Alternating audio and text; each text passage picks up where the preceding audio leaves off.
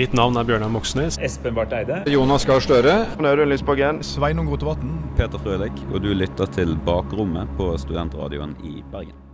Velkommen til Bakrommet på Studentradioen i Bergen. I dag så er det kun oss to i studio, Erik. Ja, det er solosending. Ja. Det er Bergenssending. Bergensaften. Eh, og ja, har det skjedd noe spennende i livet ditt siden sist? Jeg har jo hatt mye eksamener nå, og jeg, det har vært skikkelig intenst. Og jeg, nå, nå har jeg ferie, og det er så deilig å endelig være ferdig. Og bare liksom tenke sånn Nå skal ikke jeg på skole igjen før om hva er det, en og en halv måned, nesten. Men uh, ellers det har Nei, det har ikke skjedd så mye spennende, dessverre. Det har vært uh, Det har bare vært eksamens uh, Ja, ganske kjedelig, egentlig, men Ja, jeg hadde tidenes skippertak denne uken. For forrige uke så begynte jeg på nytt på X-Fac-oppgaven min. Og jeg tenkte bare ja, dette blir spennende. Og så på tirsdag, det var faktisk bursdagen min, da satt jeg på biblioteket fra klokken åtte om morgenen til fem på kvelden og jobbet. Og gikk fra sånn Har fem blitt kveld? Ja. Er, du, er du så gammel? Jeg vet at du hadde bursdag, men du ble jo ikke 80 år, liksom. Nei, jeg ble 19. Det er ikke så stress. Men eh, ja. Det var. Jeg vet ikke helt hva jeg syns om å bruke bursdagen min på det, men uh, jeg, jeg måtte. Jeg måtte for å bli ferdig. Så jeg, jeg ble heldigvis ferdig i går, da. Så det, det var litt deilig. Og så har jeg hjemmeeksamen uh, neste uke, tirsdag til torsdag. Så det uh, Må komme meg gjennom det òg. Men eh, ja. Skal vi bare ta en liten pause, så kommer vi tilbake igjen straks. Det kan vi gjøre. Hei, jeg heter Harald Viktor Hove, og du lytter til Bakrommet på Studentradioen i Bergen. Da er vi tilbake igjen her i bakrommet på Studentradioen i Bergen. Og det vi skal snakke om nå, det er mistillitsforslaget som eh, Rødt la frem overfor eh, Er det Anniken Hauglie hun heter? Arbeidsminister. Ja, av hele denne Nav-skandalen. Hva er det største justisskandalen i fredstid? Er det det vi sier? Nei, det, er ikke den største justisskandalen i fredstid. Men eh, de sier et eller annet. det Jeg har husker aldri hva det er. Nei. Litt, litt krise har det jo vært, og jeg, det var jo derfor det kom dette mistillitsforslaget. Som gikk eh, Gikk ikke så bra for Moxnes, ass. Skulle trodd det kom til å gå bedre, men eh, Nei, det var jo Rødt mot alle andre på Stortinget. Men eh, Men det jeg så som var interessant, det var jo ikke alle som stemte heller. Nei, det var det ikke. Men uh, jeg, jeg så på uh, livestreamen live, og det var ikke grådig mange i stortingssalen der heller. Så, Ja. På grunn av det var vel finansdebatt, og de hadde liksom holdt på i ti timer eller noe sånt. ja. Ja. altså, alle sammen så så jævlig slitne og det skjønner jeg veldig godt. Men eh, ja, eh, jeg syns det var en veldig interessant debatt, da, fordi eh, Altså, hele Rødt sitt argument var jo dette med at vi kan ikke ha tillit til Anniken Hauglie. Altså, derfor mistillitsforslag, selvfølgelig. Eh, hun har fått beskjed om dette, og hun har ikke gjort noe. Og hun, eh, de sa egentlig bare ja, vi skal bare slutte med dette, men vi skal liksom ikke gå tilbake igjen i gamle saker og sånt. Mens alle de andre partiene sa egentlig at ja, det kommer en tid for å vi liksom straffe de som trenger det, osv., osv. Men nå så må vi tenke på ofrene. Eh, tenke på de som er blitt utsatt for justismord, og rette opp i det først. Og når vi er ferdig med det, så kan vi på en måte begynne å si hvem var det som egentlig hadde skyld i dette, hvem skal gå, osv., osv. Nav-direktøren må gå. Det er første pri, tenker jeg. Ja, kanskje. Men eh, hun hadde jo aldri blitt felt i et mistillitsforslag, da. Uh, på av regjeringen kommer jo aldri til å gå imot sine egne, liksom. Eh, nei. Nei, så Ikke før 2021 i hvert fall. Ja, det skal vi snakke om etterpå. Det blir gøy, det. Det har jo Det var en interessant sak. Eh, Kanskje Hauglie går selv, Ja, for det- å Når eh, Før skal roe ting seg kanskje litt. Ja. Um, men det er jo Altså, den hele saken her, den er jo mye mer komplisert enn det høres ut da. Altså, det er ikke sånn Folk kan bli stemplet som trygdesnylter, du skal i fengsel. Det er jo Det er noe EØS-avtaler og utland, og det er mye Det er tekniske saker, altså. Ja, altså det er utrolig komplisert, og det er litt av grunnen til at jeg ikke har turt å snakke så mye om det. Fordi det er så vanskelig, det er så mye frem og tilbake igjen at det blir Det blir veldig vanskelig å snakke om, syns jeg i hvert fall. da. Og det er jo litt sånn, altså når man har lignende situasjoner, da. Altså sånn Sylvi Listhaug måtte gå av en Facebook-post. Og Anniken Hauglie må ikke gå av en Nav-skandale. Altså, det er jo Det er forskjeller her. Ja, det er det jo, men altså Verden er jo ikke svart-hvitt. Altså, det, går, det er veldig få ting som kan sammenlignes, i hvert fall i politikken. Ja, men du er jo enig i at Sylvi Altså, det her er en verre situasjon. Definitivt. Ja. På alle jævla okay. måter. På alle jævla måter. Men uh, det betyr ikke at det ikke er vanskelig å sammenligne. Nei da, det er sant, det.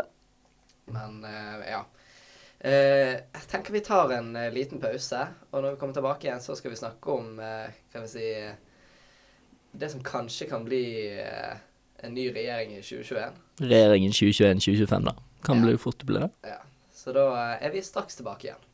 Velkommen tilbake til bakrommet. Og det vi skal snakke om nå, det er kanskje det jeg har gledet meg mest til å snakke om. Dette, her, dette blir gøy. Nå, Ja. Det her er veldig interessant å snakke om, tror jeg. Ja, fordi eh, for eh, en liten stund siden så inviterte SV til et eh, slags møte med egentlig alle opposisjonspartiene. Så det er jo alt fra Rødt til eh, Senterpartiet og MDG. Til egentlig et møte og diskutere hvordan de eventuelt kan samarbeide frem til eh, valget til 2021. Eh, og på en måte forhåndsforhandle en slags regjeringsplattform, da.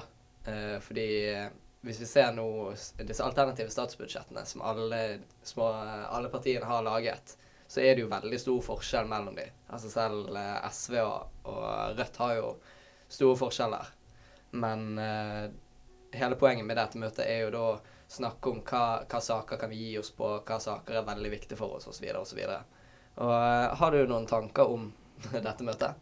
Altså, ja, først og fremst Senterpartiet sa jo nei. Ja. Og det er tiebreakerne, fordi Senterpartiet kommer til å bli Altså, det er fullt mulig, og det er ikke kødd. Senterpartiet kan bli Norges største parti om uh, to år. Men sant. Eh, jeg tror egentlig ikke det skjer, men Senterpartiet det kommer til å De pusher 20, minst. ja, Og jeg, det gjør jo at de har, de har veldig mye makt der. Fordi jeg tror Arbeiderpartiet kommer nok i regjering uansett. Men greien er jo at Senterpartiet er Det er ikke et miljøvennlig parti, ass. Nei, det er ikke en veldig viktig sak for de akkurat det der. Og hvis du ser liksom på politikken, da, altså sånn Senterpartiet er jo bilpartiet. Av de, jo, men altså deres kjernevelgere bor jo på steder hvor de må ha bil, liksom. Ja, nettopp. Og landbruk er jo eh, ikke så miljøvennlig, det heller. Nei, i hvert fall ikke når du skal ha alle de der forbanna dyrene som går rundt og eter. Ja, landbruk. Dessverre så er dyr involvert. Men ikke sant, det er jo rødt kjøtt og kuer eh, Hva er det de promper metan eller et eller annet? Ja, det er et eller annet sånt. Men så er det jo bare det. Altså, du bruker jo jævlig mye planter for å fôre det, og så Ja, det er får du ganske mye mindre mat enn det du på en måte setter inn, da. Så du Det hadde jo vært mye mer effektivt om vi bare hadde spist det kuene spiser, da. Men eh, Er du keen på å spise Er du keen på å spise gress, eh, eller eh, hvis det er tilberedt riktig, så skal jeg vurdere det. stekt gress med ris på siden? Kanskje. Kanskje. Men ikke sant, det luker jo ut MDG. Da er jo det uaktuelt. Ja. Og jeg, jeg tror ikke SV kommer ikke til å gå med på en regjeringsplattform uten eh, altså gode miljøtiltak. Ja, helt klart. Altså, det er jo en veldig, veldig viktig sak for dem. Altså, hele dette med hva skal jeg si, røde og grønne skiftet. Med at uh, du skal ha en rettferdig klim klimapolitikk. Og det, det, jeg tenker det kan bli jævlig vanskelig. I hvert fall nå som Senterpartiet og Ap er såpass jevnstore. Ap er fortsatt større, men uh, det som du sa, det er jo godt mulig at de blir større enn Arbeiderpartiet. Og 3 på meningsmålingen. Ja, det er jo nesten ingenting. Det er jo fullt mulig at det endres. Og det, det gjør Altså, det endrer jo ganske mye i norsk politikk, fordi det har jo alltid vært ett klart styringsparti. På venstresiden så er det Arbeiderpartiet, på høyresiden så er det Høyre. Og jeg, jeg er veldig usikker. Jeg, jeg er ikke noe ekspert i det hele tatt. Så jeg lurer veldig på hvordan det blir når du har to nesten helt store partier som skal samarbeide, versus den tradisjonelle arbe kjempestore Arbeiderpartiet, og så har du et par sånne småpartier som liksom kan få en sak her og der. Det er jo mye mer praktisk å ha et stort styringsparti Nettopp. som kan liksom holde litt kontroll på de mindre partiene. Gjerne hvis du har fløypartier som SV og Frp Ja. i regjering. Og jeg eh, Det er litt vanskelig. Altså, ja, tilbake igjen til en regjeringskonstellasjon, da. Vil Rødt i regjering? Det, det de har sagt, da, det er at eh, Rødt i utgangspunktet ser på makt som De vil ikke sitte i regjeringslokalet, men de vil heller bare ha en slags samarbeidsavtale med en venstre-regjering. Men Sånn som i Oslo, da. Blir ikke det? Ja, ja, jeg tror kanskje det. Men uh, det de har sagt, er at hvis de kommer opp på jeg, jeg husker ikke om de sa et tall, men de sa i hvert fall at hvis de blir større, så jeg tipper sånn 10% pluss. Ja, det skjer jo ikke. Ja, men at de sa at da vurderer de veldig å gå inn i regjering, hvis de får såpass mye. Men det er jo fordi de faktisk har, har ganske mye å slå i bordet med, da. Men eh, det er jo der du ser en interessant forskjell mellom SV og Rødt, da. At SV gjerne sitter i regjering og svelger et par kameler, mens Rødt liker å stå på utsiden i stedet. Og heller bare stemme over det regjeringspartiene kommer frem til, da. Men eh, det, det blir interessant, rett og slett, når du ser at eh, små partiene i Norge vokser frem, og de store partiene går tilbake igjen. Og eh, jeg lurer veldig på hvordan det blir hvis eh, Venstre og KrF hvis de kommer under sperregrensen og ikke kommer inn på Stortinget i det hele tatt. Ja, de kommer jo inn på Stortinget. De får jo den ene representanten. Altså Ja, Venstre ja, har jo Venstre har jo gått over under sperregrensen annethvert valg. Ja, Så sant. de er jo vant med det. Men KrF eh, Ja, de har jo gjort det historisk dårlig nå. Ja, altså, de må jo håpe at de eldre å holde seg i live. Altså sånn Folk Velgermassen ikke bare dø. Ja, de kan, de kan launche en kampanje eller noe sånt. um, men eh, da Jeg vet ikke om de klarer å Men det som også er greien da, er jo at venstresiden, altså Rødt, SV, er jo villig til å stemme på uh, jævel selv, fanden selv, for å få høyresiden ut av regjering. Og da kan det være Men så er det det, da. Er de villige til å støtte en plattform som på ingen som helst måte går inn på miljøkravene deres, og på grunn av sånn oljeultimatum Nei, den kommer til å bli. Ja, det blir og, veldig, veldig tøft. Ja, på grunn av sånn Det blir vanskelig, iallfall for MDG. Jeg tror ikke MDG kommer til å klare å stille seg bak den plattformen. Nei, kanskje SV. Ja. Ikke, jeg tror ikke MDG. Det, det blir veldig vanskelig for dem. Rødt også Altså, kapitalismen blir jo ikke Den blir ikke Ja, det kommer jo aldri til å skje, da. La oss være ærlige. Men Nei, eh, det skal ikke Ja, da skal Rødt ta over 50% alene. men eh, da jeg lanserer en ny en, ikke nødvendigvis relevant til dette møtet, men hva med Senterpartiet, Høyre, Frp? Nei, æsj. Nei, det vil jeg ikke. Men Ja, det tror jeg, det vil ikke jeg heller. Nei, men altså Jeg kan på en måte se for meg at det kunne ha skjedd, da. Hvis de hadde klart liksom å eh, Altså, det er jo denne her med eh, sentrum og periferi, i dette med by og, by og land, som er hovedproblemstillingen der, da. Fordi Høyre og Frp elsker jo sentralisering. Eh, Nå er det jo ganske påvist at altså arbeidsplasser Det flyttes flere arbeidsplasser ut av Oslo enn tidligere, og Men jeg skjønner at nei, men altså, det er bare hele denne eksempel nærpolitireformen og alt sånt. Altså Ja da, absolutt. Det handler jo om, det handler om effektivisering. Men du, det glemte jeg å si. Det mest sentraliserende partiet på Stortinget, det er MDG. Ja, hvordan da, tenker du? Nei, altså, der er det jo De prioriterer jo utelukkende byer. Ikke Ja, sant? Med sånn, ja. bilpolitikken deres. De gir jo faen i alt som skjer, liksom, en mil utenfor Ring 3. Der hvor folk liksom Ja, i Nord-Norge, ikke sant. Sånn. Du kommer deg ingen vei uten bil der oppe, eksempel. Og jo da, det er sånn Ja, vi skal styrke kollektivtilbudet. Ja, men så mye kollektiv klarer dere ikke å Vi stille skal, opp. vi skal få én buss. Da styrker du den 100% mer. Men ja, nei, det er vanskelig det der. For altså, du ser jo MDG, eneste stedene de får mye stemmer, det er jo midt i byene. Du så i uh, På det valgkartet fra Bergen, på liksom valgkretsene, Ja, ja. så du det MDG vant eh, en valgkrets. Den var midt i Bergen sentrum. Der var alle studentene som ikke har bil. Det var De som ikke har bil, de bor der. Ja, det er miljøbevisste studenter som ikke har råd til bil, Ja, stort sett. det høres riktig ut. Ja. Vi som lever under fattigdomsgrensen. Jeg så på det. Jeg lever, jeg lever under fattigdomsgrensen. Fant det Ja, ut. men da teller du vel bare din egen inntekt, da. Ja, min egen 113 000 eh, studentlåninntekt, ja. Ja. Ja, jeg har vel Jeg jobber jo litt på siden, så jeg har jo litt mer enn det. Åh, det blir jævlig deilig å få lønn nå i desember. Ja. Uh, ene jobben min, da er det utbetaling hver måned, men den andre det er én gang i semesteret. Så alltid på slutten av halvåret så får jeg alle pengene. Så det blir jævlig deilig. Og du får halv skatt. Jeg betaler faktisk ikke skatt. Jeg tjener jo nesten ikke. Å, du ligger under frikortgrensen? Ja, jeg har, jeg har frikort. Å ja, ok. Men, altså, jeg, jeg jobber to ganger i uken. Det, Ja. Men nå, nå, nå har vi sklidd litt ut. Nei, nei, nei, nei, nei. Vi, eh, det er skattepolitikk. Frikort. Skal det økes? Nei. Det er sant. Men eh, jo, siste. Hva, hva tror du skjer? M- Med allmøte? Hva tror du blir regjeringskonstellasjonen 2021-2025? Nei, altså det er jævlig vanskelig å si. Det kan skje så jævlig mye. Altså Bompengesaken, det, det var jo ingen som forutså den. Det kan være at det skjer et eller annet der. Men det jeg tror blir utfallet av eh, det, dette møtet da med SV, eller som SV er invitert til, det er jo egentlig bare det at du Vi får se ganske tidlig hvem som er villig til å samarbeide.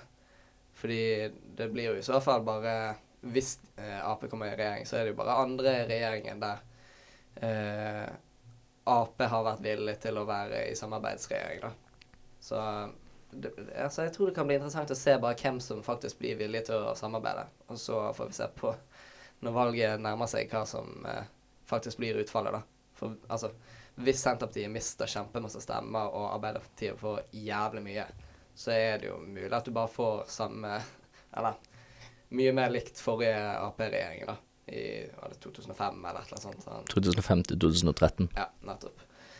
Men ja. Jeg, jeg tenker det kan bli kjempespennende, men eh, det kan også bli litt deprimerende, tenker jeg. Ja, det kan bli litt traust, ass. Men uh, jeg tror hvis KrF klarer å karre seg over sper- sperregrensen, så Knut Arild Hareide sitt drømmeprosjekt, altså Senterpartiet, Arbeiderpartiet, KrF Det kan skje. Ja, ja, altså Vanskelig. Der blir jo SV, da, selvfølgelig. Altså, Nei, men altså om de klarer det uten et støtteparti. Ja, ja, det, det er faktisk sant. Ja.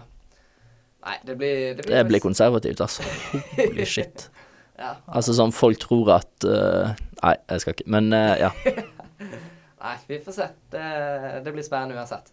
Men uh, nå har vi snakket eh, lenge, vil jeg tro. Veldig lenge. Men det er et Ja. interessant tema.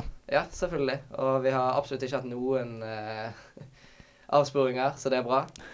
Hei, jeg heter Espen Barth Eide, og du lytter nå til Bakrommet på Studentradioen i Bergen. Velkommen tilbake til bakrommet eh, på Studentradioen i Bergen, der eh, i dag eh, meg og Erik driver og babler om politikk. Og det vi skal snakke om nå, det er koranbrenning, faktisk. Fordi eh, godeste, kjære Sian, Stopp islamiseringen av Norge, som Slitsomme, slitsomme folk å forholde seg til. Ja, de eh, er jo bare ute etter å skape faenskap, og nå har jo de vært eh, hvor, hvor var det? Var det? Kristiansand. Ja, Kristiansand var det. Eh, og talte der. Eh, og så selvfølgelig så tente de på en koran, for det må du jo gjøre når du hater eh, hater islam. Eh, og ikke overraskende nok så ble det jævlig mye reaksjoner på dette. De ble Ja, det Eh, det har jo blitt eh, en stor debatt, da. Nå har vi jo hatt eh, homoterapisaken eh, som har vært ytringsfrihet-debatten nå, og så nå kommer jo dette, som også går på det samme. Eh, og Ja. da blir det sånn Hvor setter vi grensene her? Altså, hvor mye ytringsfrihet skal innskrenkes, liksom? Ja, fordi Hva skal jeg si Det er jo Hvis jeg hvis jeg skal liksom si det sånn, da. Det er jo ikke greit i hermetegn å brenne en koran. Altså, det er jo ikke noe som er snilt gjort, akkurat. Altså, Du gjør det jo for å provosere, helt klart. Det er jo bare derfor de har gjort det. Men altså, jeg, Men sånn helt ærlig, hvis Jeg syns likevel det burde vært lov, sånn sett. Ja, altså, Altså- OK, nå er ikke jeg kristen, da, men hvis noen hadde satt fyr på en bibel, liksom Hadde jo ikke Hadde ikke brydd meg. Nei, altså, jeg er jo agnostiker, liksom, så jeg eh, kan ikke uttale meg der. Nei. Men Nei, altså, jeg har ikke blitt sur hvis noen hadde tent på det kommunistiske manifest. Das Kapital. Kanskje. Ja. Nei, altså, jeg, jeg syns jo det Altså, det burde være lov, helt klart. Men det er jo dette her med Altså, hva skal jeg si eh, Hvis vi tar en eh, liten filosofparallell han godeste John Stuart Mill, som de fleste har hørt om, mente at ytringsfriheten burde stoppe eh, når han begynner å innskrenke andre sin. Min frihet stopper der din begynner. Ja, det er vel noe sånt. Og eh, altså, hele spørsmålet med denne her homoterapien var jo dette med at fører det at det, bare, at det er homoterapi til at eh, folk som er homofile, ikke tør å ytre seg osv. Og, så videre, og, så og hvis det er resultatet, at plutselig så er det ingen som tør å komme ut som homofile lenger, så, så burde jo det være ulovlig, sånn sett. Ja, altså, da homoterapi går direkte utover folk. Ja, Det er mer angrep på liksom enkeltpersoner. Ja, mens koranbrenning er jo mer bare hele religionen, og det er jo en folkegruppe, ikke en enkeltpersoner. Så det, det er jo like saker sånn sett, men det er også veldig viktige forskjeller. Og eh, Nei, altså det, det er vanskelig, men sånn sett eh, Jeg er jeg er på en måte glad for at jeg bor i et samfunn der det er lov å provosere på den måten, fordi det vitner jo om at vi er ganske fri. Og det er noe jeg har fått mye reaksjoner på og sagt, er at jeg er jævlig glad for at jeg bor i et land der terror er mulig. Terror er Ja, Ja. terror er mulig overalt. ja. Nei, altså Jo, det er Det- mulig å utføre terror ja, overalt. Ja, ja, men altså det Jeg er veldig glad for at jeg bor i et samfunn der det er mulig å gjennomføre terror, fordi det betyr jo at vi er ganske fri, og vi blir ikke kontrollert så mye at det ikke er mulig. Typ bo i et samfunn der hvor det er lov å diskriminere folk, da. Ja, på er vel en annen måte å kanskje Ja. Åh, har, du, har du lest det der med muslimene i Kina nå?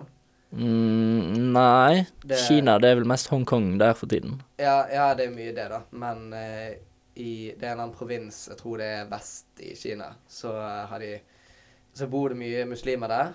Alltid gjort, holdt på å si. Og eh, det kineserne har gjort, er at de har tatt de inn på institusjoner og får det de kaller omskolering, men som egentlig er tortur og hjernevasking. For da, fordi de vil jo ikke ha eh, islam i sitt land, da, og vil at alle heller skal være mer som kineserne. Og hva skal jeg si Det, det er ikke greit. Nei, det er jo Jeg er glad det ikke er lov i Norge. Ja, det er jo liksom helt andre enden aspektet. At der, der er det så jævlig mye kontroll. Mm. At der skjer faktisk sånne ting òg. Men Kina er jo Det går ikke an å sammenligne, egentlig. Nei, Det er så store forskjeller med regime og demokrat... Eller mangel på demokrati. Ja, nettopp. Eh, jeg har akkurat hatt uh, en del om Kina i, uh, i sammenlignet politikk, som er faget jeg tar. Det er Han foreleseren som hadde Kina-forelesninger, han fikk det til å høres ut som at det var mer demokratisk enn det det er. Men altså sånn mm, Det er ikke så demokratisk, ass. Nei. Det er ikke nei, det. Nei, det, det er litt vanskelig når en leder kan sitte i hele, hele sitt liv. Men hallo, uansett om det er diktatur og de har det helt forferdelig, så er de jo kommunister, så da burde det jo gå bra. Ja, altså bare fordi de kaller seg kommunister, så betyr det ikke at de er det. That wasn't real communism. Nei, nei, men du, altså der, Hva den heter den der demokratiske republikken Kongo? Bare fordi det heter demokratisk, betyr jo ikke at det er demokratisk. Den demokratiske republikken Nord-Korea. Nei, OK, men eh, eh, koranbrenning eh, Eller eh, de som eh, brente det, det norske flagget. Det var jo muslimer som gjorde det i protest. Ja, var det i Norge? Ja. Ja, OK. Det Ja. norske flagget ble brent i Norge. ja.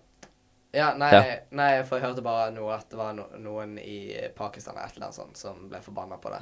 Men uh, Ja, det, jo, det kan ha vært. Men uh, det er jo greit. ja, altså Selv om det er litt sånn samme, Altså, det er jo bare for å provosere. Det er jo bare for å liksom En motreaksjon, liksom. Spytte på Norge, liksom. Og jeg syns jo det, det burde være Burde også være lovlig. Altså, det, det er jo bare for å provosere. Men allikevel. Det, det burde være greit sånn sett, med tanke på jussen. Men eh, ja det, det, er ikke, det er ikke enkelt.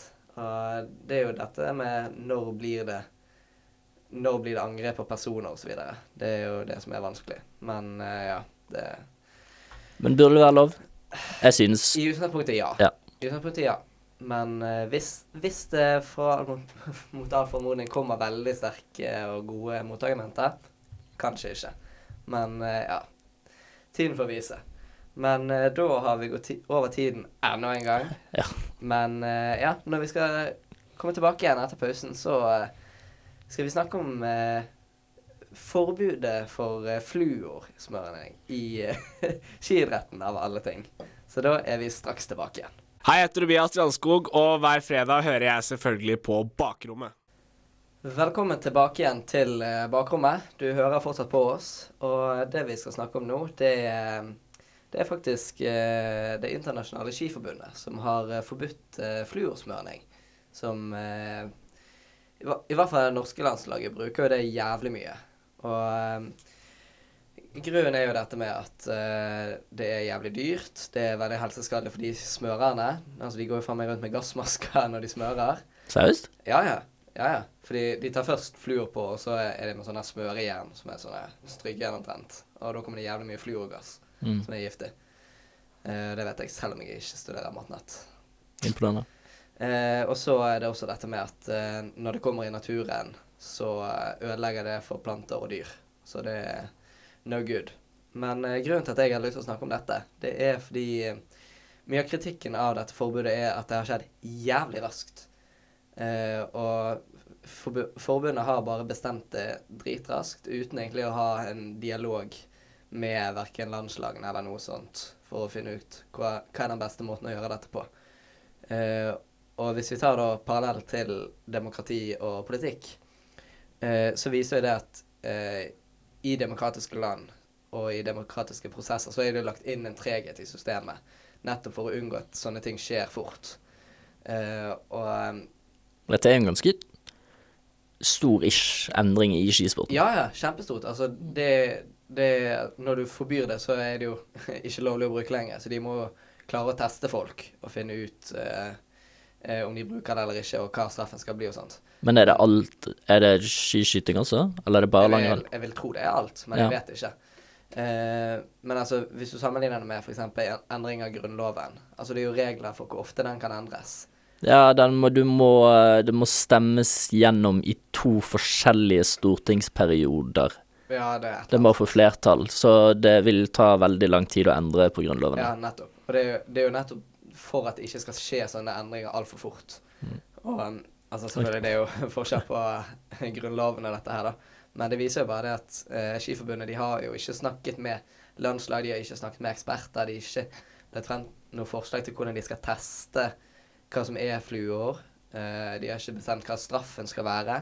Skal det være utestengelse? Skal det være bot? Skal det være uh, livstid? Hva, hva skal det være, egentlig? Og eksempel dette med uh, ski som allerede er brukt fluor på. Hvis det er rester av fluor, er det nok? Og så videre. Er alle nødt til å kjøpe nye ski?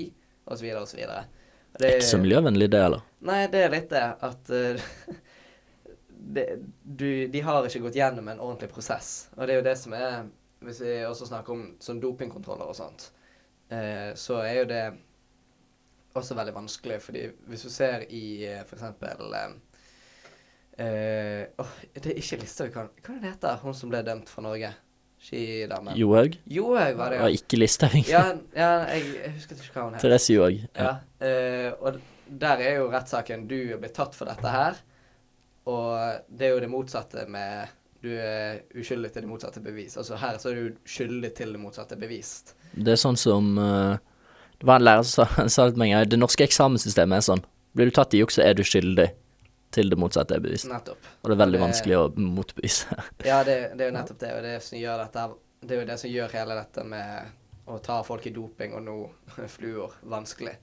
Med at de har, de har ikke utviklet gode systemer for det ennå. Eller langt ifra perfekte systemer. Men jeg har, jeg har et etisk dilemma nå helt på slutten. Ok, Greia er at Norge har jo denne gigantiske så videre. Men den gir Norge en veldig stor fordel overfor de andre landene, og de mindre landene med mindre ressurser. Ja, Og du som er veldig eh, glad i venstre side sin likestillingsgreie, synes du at det er greit? At Ja, Norge har en altså- smørebuss gir de en så stor fordel fordi vi er rike og en stor kinasjon? Altså, det, det er jo dette her som er et annet argument for nettopp dette. Det er jo det at fluor er kjempedyrt å bruke fordi du trenger alt dette ekstrautstyret og sånt. Og jeg, jeg er ikke sikker, men jeg tror det, det var et av disse argumentene med at de skal på en måte jevne det ut. Fordi vi blir jo skuffet hvis Norge ikke tar første, andre og tredjeplass i VM, liksom. Det er jo litt det at det, det ødelegger jo skisporten. For hvis alle vet at Norge vinner hver jævla gang, så ødelegger jo det idretten, for ingen gidder å se på det, og færre gidder å konkurrere. Så jeg tror det er litt for å jevne ut resultatene òg. For at eh, flere skal få muligheten da, til at eh, utstyret ikke skal ha absolutt alt å si. Mitt navn er Roger Wallomar, og du lytter på Bakrommet på Studentradioen i Bergen. Vær hilset, kjære lytter. Nå er God morgen, kamerat. Nei, du, det er bare på 1. mai. Ja, det er sant. Det, men det sier faktisk jeg også. Ja. Det er, litt så, det er ganske ironisk, men jeg gjør det. Gratulerer med dagen, kamerat. ja. Um, å, nei, å, nå kom jeg på i russetiden, og så var vi og festet 1. mai. Og så først unge Karl Marx imens vi drakk, og så gikk vi til byen og gjorde russeknuter og sånt. Og så eh, var en av russeknutene at vi skulle hilse på folk som gikk over veien. Starte en, start en revolusjon eh, for den, eh, for den norske arbeiderklassen. Der har du russeknuten sin. Så får du en liten pinn med Karl Marx på. Nei, altså, det var sånn her Gå over veien og så si sånn ah, 'Velkommen til den andre siden', liksom. Så gikk vi rundt der, og så sa vi 'kamerat'. Men, men ja. det vi, det vi, har spurt av før vi har begynt å snakke om temaet. Vi skal snakke om EU. Fordi nå denne uken så er det jo eh, er det 25 år siden eh, vi stemte nei til EU. Mm. Uh, og ja, kanskje du bare begynner med å fortelle oss litt. Uh, hva, hva tenker du om EU? Ja, altså Norge har jo hatt to EU-avstemninger. Uh, den første var på 70-tallet. Eh, vi stemte marginalt flertall for nei. 52-48 eller noe sånt. Så stemte vi jo igjen da for 25 år siden, det blir vel i går.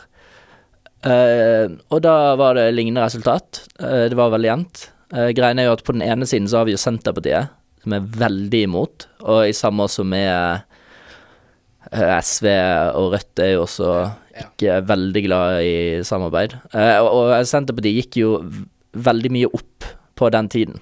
Og det var liksom det som markerte slutten på Høyre-Senterpartiet-samarbeidet.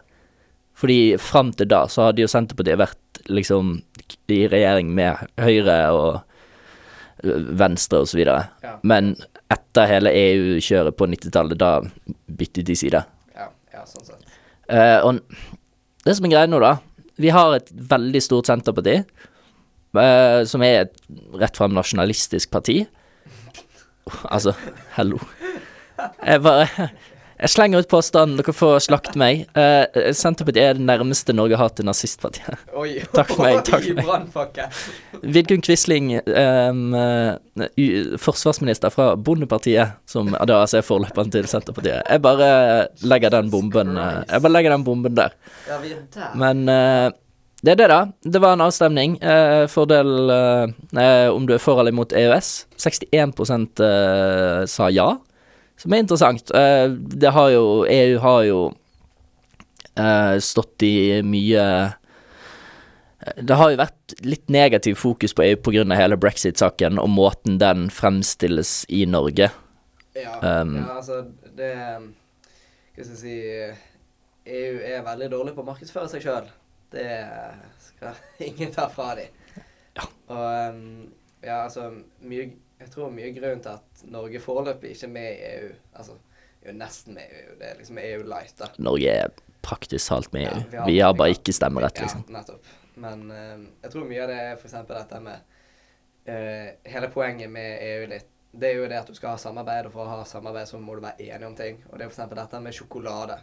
Altså, EU Det er så mye rare E EU-direktiver. Ja, men altså, EU diskuterte jo sånn 30 år hva faen er sjokolade. Fordi i England så har de én type sjokolade, og så i Belgia så har de én type sjokolade. Og de andre i fastlands-Europa ligner mest på den belgiske.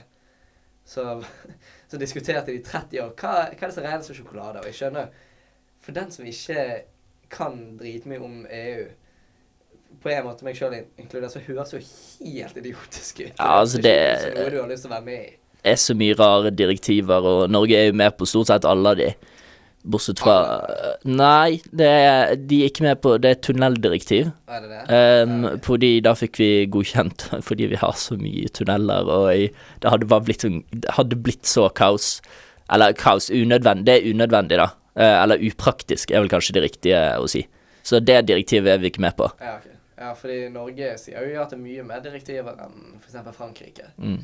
Men Norge er jo over 90% Frankrike er på sånn 70 eller noe sånt prosent. Ja. Og det Nei, altså, jeg, overraskende nok så er jo jeg veldig pro EU. Og jeg, jeg tror jo på at EU De har virkelig klart å sette Europa på kartet, da. Og fordi EU, Europa er jo bare masse bitte små nasjoner.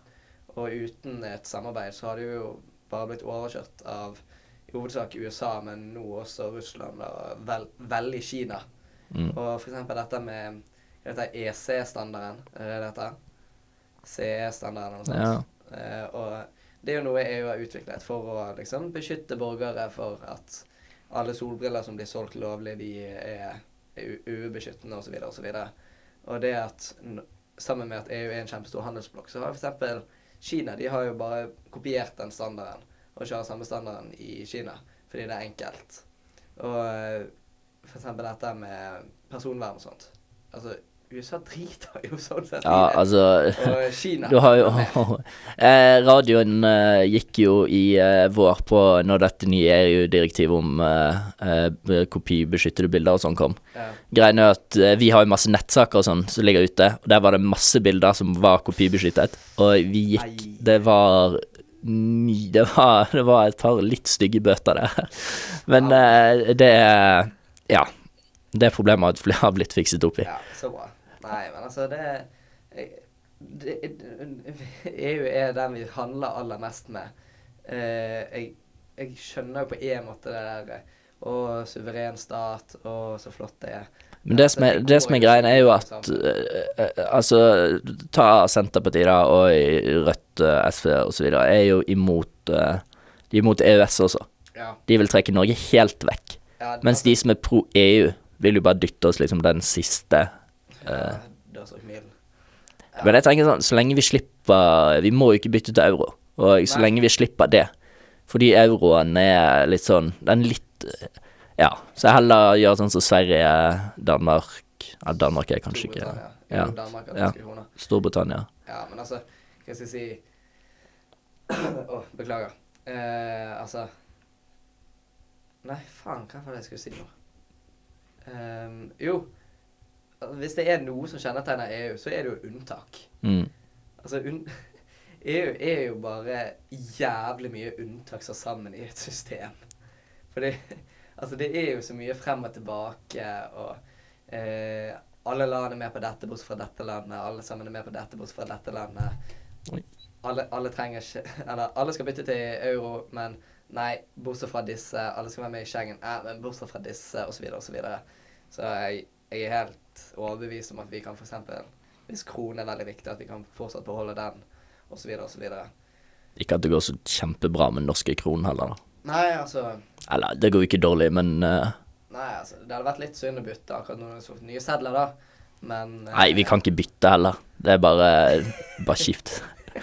Men valutadebatt er kanskje ikke det Nei, første Nei, jeg stiller ikke veldig sterkt der, for å si det sånn. Jeg eh, kan veldig lite, Mm. rett og slett. Så det er jo tro- tross alt Nå gikk jo eh, mm, Det var noen Høyre-politikere som gikk ut eh, og sa eh, Var i avisen nå i går og sa at de ville ha en EU-avstemning i løpet av neste periode. Og den Altså folkeavstemning, da, men folkeavstemning må gå gjennom Stortinget. Og da er jo spørsmålet Fordi Arbeiderpartiet er Det står i partiprogrammet deres at de er for folkeavstemning. Eh, Høyre er det eneste partiet som har direkte Vi vil inn i EU, på en måte. Men Arbeiderpartiet også hadde nok stemt for et sånt forslag. Og i denne stortingsperioden så holder jo det. Da vil det vært flertall. Men siden de vil vente til neste, når Senterpartiet plutselig er svært, og Rødt og SV Jeg vet ikke, kommer Rødt over sperregrensen? Jeg tror det blir tight. Uh, er det, det er jo et av de tingene som blir spennende i Ja. valget. Uansett, da. Uh, MDG altså, MDG er jo villig til å gjøre hva som helst eh, så lenge de får forhandlet inn et De er, klimatiltak. de er jævlig for det. da. Ja, men Det- sånn Jeg føler MDG er sånn De er for, men De hvis, men hvis du gir dem liksom et annet gjennomslag, så er, er de plutselig imot. Nei, men altså, Men, det, eh, det, de det jeg snak, eh, snakket med et par fra MDG, og de sa jo at uh, de aller fleste i MDG er for EU-medlemskap, men de har på en måte ikke skrevet det ned den og liksom gjort det offisielt. Så partiet er sånn sett ikke for EU, men i praksis så er de aller fleste medlemmene for, da. Og det, jeg, jeg er overrasket egentlig over at eh, venstresidepartiene er mot EU. For hele denne her eh, marxistiske venstre-tankegangen er jo dette med arbeidere over landegrenser. Men nå er jo ikke Altså, Nei, men altså det er jo ikke noen partier på Stortinget som er marxistiske. Nei, nei, Men, nei, eh, men allikevel, altså. Det, ja. Men altså, dette med samarbeid Det er altså Fagforeninger, det er jo samarbeid. Det er jo organisere seg for å kunne stå opp mot uh, den her eh, grådige kapitaleieren. Kapitalisten. Bourgeoisie. Det er klima Ja, altså Vi kan ikke løse klimakrisen i Norge, liksom. Nei. Og derfor trengs det et internasjonalt samarbeid. Ja, helt klart. Helt klart. Og med EU, så Det var jo plast, uh, engangsplastgreien. Um, loven, eller direktiv, et eller annet, som slår inn uh, fra 1.1.2020, en eller annen gang i 2020. Altså forbi engangsplast, essensielt. Ja, ja jeg, jeg har ikke satt meg inn i det, så jeg vet ikke hva det vil si. Men eh, Det, det, er et ganske, det er et ganske bra Det er et veldig bra tiltak, da. Ja, OK. Uh, fordi da Ja. For å kutte i, for å kutte i engangsplast. Det er vel den enkleste måten å si det på. Ja, men altså det Altså, selvfølgelig, det, det er jo mye med EU som ikke er bra. Altså, det er langt ifra perfekt, men jeg tenker at jeg vil mye heller liksom, hva skal jeg si eh, Være i klubben med Tyskland og Frankrike og resten av Europa. Cool Kids Club. Ja, ja. Ja. Bakerst i bussen. Whoop, whoop. Eh, enn liksom å late som at vi er buddy med USA og Russland og Kina.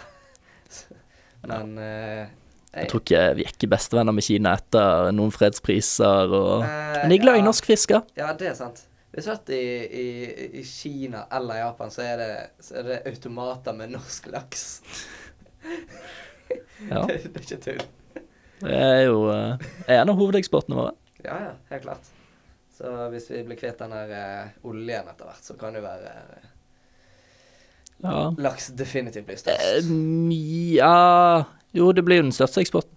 Men eh, det skal ganske mye laks til for å kunne eh, erstatte. Mitt navn er Lynn Kristin Enge, og du lytter til Bakrommet på Studentradioen i Bergen.